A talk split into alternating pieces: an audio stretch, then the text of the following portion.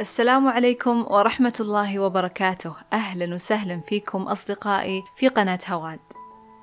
اليوم عنوان حلقتنا كيف أستقل؟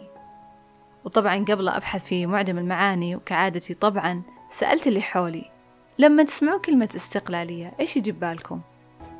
الأغلب كانت إجابته أستقل أنه لما الإنسان يوصل مرحلة معينة من العمر أو من الوظيفة أو المنصب أو أي يكن فهو يستقل مكانيا عن المكان اللي كان عايش فيه مع أسرته أو غيره.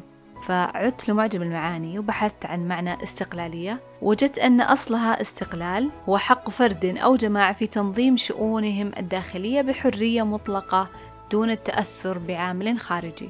واستقل بالرأي أي استبد به ولم يشارك الآخرين. آه، في السياسة التحرر من أي سلطة خارجية الفعل استقل أي قلل أي أنقص وأحط طيب هذا المعنى اللي إحنا نعرفه إنه هو استقل استقلالية تحرر من أي سلطة. ودائما مثل ما قلت الأغلب يربطها بالمكان. لكن في استقلالية وهي أهم استقلالية الفكر. آه بعض الناس تستقل مكانيا لكن لا زال فكرها عالق في النظام القديم اللي هي عايشة فيه أو الناس اللي هي عايشة معهم. يعني خلونا ناخذ مثال بسيط. الشخص مثلا الناس اللي حوله مؤثرين عليه بشكل سلبي مثلا أصدقائه مو مؤثرين جيدين أو مكان عمله مش مؤثر جيد عليه. فاضطر هو إنه يغير مكان عمله أو يغير أصدقائه لكن هو بنفسه ما تغير. ليه؟ لأن فكره لم يستقل تماما عن المجتمع اللي هو تركه واستقل عنه. اذا فعليا هو شخص غير مستقل. بعض الأشخاص يعيشون تجارب في الماضي فلما يعيشون الحاضر يقعدون يربطون أي تجربة في الحاضر بما حصل في الماضي. هذا شخص غير مستقل عن ماضيه أو عن مشكلاته اللي حصلت له. جيت أتأمل نماذج من البشر عاشوا الاستقلالية الصح. وطبعا وأولهم الأنبياء. أحب أعود لنموذج البشر الأول وهم الأنبياء. إبراهيم عليه السلام كان والده يجبره على بيع الأصنام في السوق. يعني أنتم متخيلين؟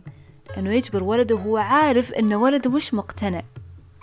وإبراهيم عليه السلام كان يروح يعني ذاتا لوالده وبرا فيه ما يبغى يعني يخلق صراع ولكن هو جوات نفسه هو أساسا في صراع. يروح السوق ويقول اشتروا من لا ينفع ولا يسمع ولا يضر. كانوا يجون عند أبو إبراهيم عليه السلام ويشتكون من فعل إبراهيم عليه السلام أنه هو ما قاعد يبيع الأصنام بشكل جيد ولا وما يمتدحها يعني. إبراهيم عليه السلام أثبت منه صغير أنه هو شخص ما يؤمن بما يؤمن به قومه. هو من داخله مستقل فكريا ومنهجيا. منهجيا يعني طريقة تفكيره في الحياة في الأمور. عارف أن هذا الشيء مش صح. وصار يتأمل يتأمل يتأمل. وبعد سنين من البحث والتأمل وصل. رأى النجم فقال هذا ربي فلما أفل قال لا أحب الآفلين فرأى القمر قال هذا ربي. لما رأى الشمس قال هذا ربي هذا أكبر. لما غابت عرف أن الله أكبر حتى من الشمس. فالله أكبر من كل شيء. فتوصل هو لهذه المعلومة. طبعا سنين من التأمل والبحث فالله عز وجل ألهمه الإجابة. زيه زي كثير من العلماء اللي يجتهد يجتهد ويبحث بعدين الله عز وجل يلهمه الإجابة نتيجة جهده المتواصل. مو شرط يعني عبقري. فعاد إبراهيم عليه السلام ليخبر قومه بذلك الشيء. لما أذوه وحاولوا حرقه وما إلى ذلك هو في تلك اللحظة استقل مكانيا عنهم وخرج من قريته. نبينا محمد صلى الله عليه وسلم كان مستقل فكريا ولكن عندما وجد الأذى طبعا بعد عشر سنين من الدعوة والتحمل والصبر وحاصروهم حتى أكلوا من الجوع ورق الشجر فثلاث سنين حاصروهم لا يبيعون منهم ولا يزوجونهم فخسروا في بضائعهم وماتت مواشيهم وجاعوا الناس وهلكوا ومنهم مات وخديجة رضي الله عنها زوجة النبي صلى الله عليه وسلم وعمه أبو طالب. فكانت خسارة جسدية ومالية ونفسية. بعدها أذن له أن يهاجر. وكأن الهجرة جاءت بعد وجود خناق نفسي وجسدي ومادي. فلو عكسنا هذا على واقعنا قد نجد أن بعضنا لا يجد الحياة اللي كان يبغاها تماما في بيته أو أسرته أو مع زوجته أو مع زوجها أو آه، مع نطاق الأصدقاء أو نطاق العمل أو أيا يكن المجتمع اللي أنت تعيش فيه. قد لا يتوافق تماما مع رغباتك أو لا يدعمك في كثير من الأمور. اللي أحب أقوله أننا بإمكاننا في أي, أي من هذه المجتمعات أن نتعايش. كيف؟ لما نخلي تركيزنا على أنفسنا. بحيث نضع لنا المنهجية الفكرية التي نود أن نعيش عليها إحنا إيش نبغى في الحياة؟ إيش نظرتنا في الحياة؟ ما هي أهدافنا؟ إيش رأينا في موضوع المستقبل؟ آه الدين كيف آه مستوى اهتمامنا فيه؟ آه إيش إيش موضوعك في المادة والمال؟ كيف أنت راح تأمن نفسك ماليا؟ إيش موضوع المستقبل والأثر في المجتمع وما إلى ذلك؟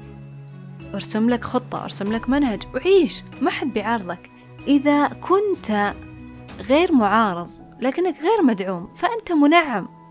أما لو كنت مدعوم من المجتمع اللي حولك فأنت مبارك. وأي يكن موضوع عدم الدعم أهم شيء ما يكون فيه إيذاء يعني مبالغ فيه. أما دون ذلك فالإنسان قادر على التكيف في أي مكان وفي أي زمان. والمهم حقا هو الاستقلال الفكري هو الذي سيصنع لك عالمك الذي ترغب في أن تعيشه. وإن شاء الله نكون إحنا وياكم المستقلين فكريا قبل نكون مستقلين مكانيا ودمتم بود.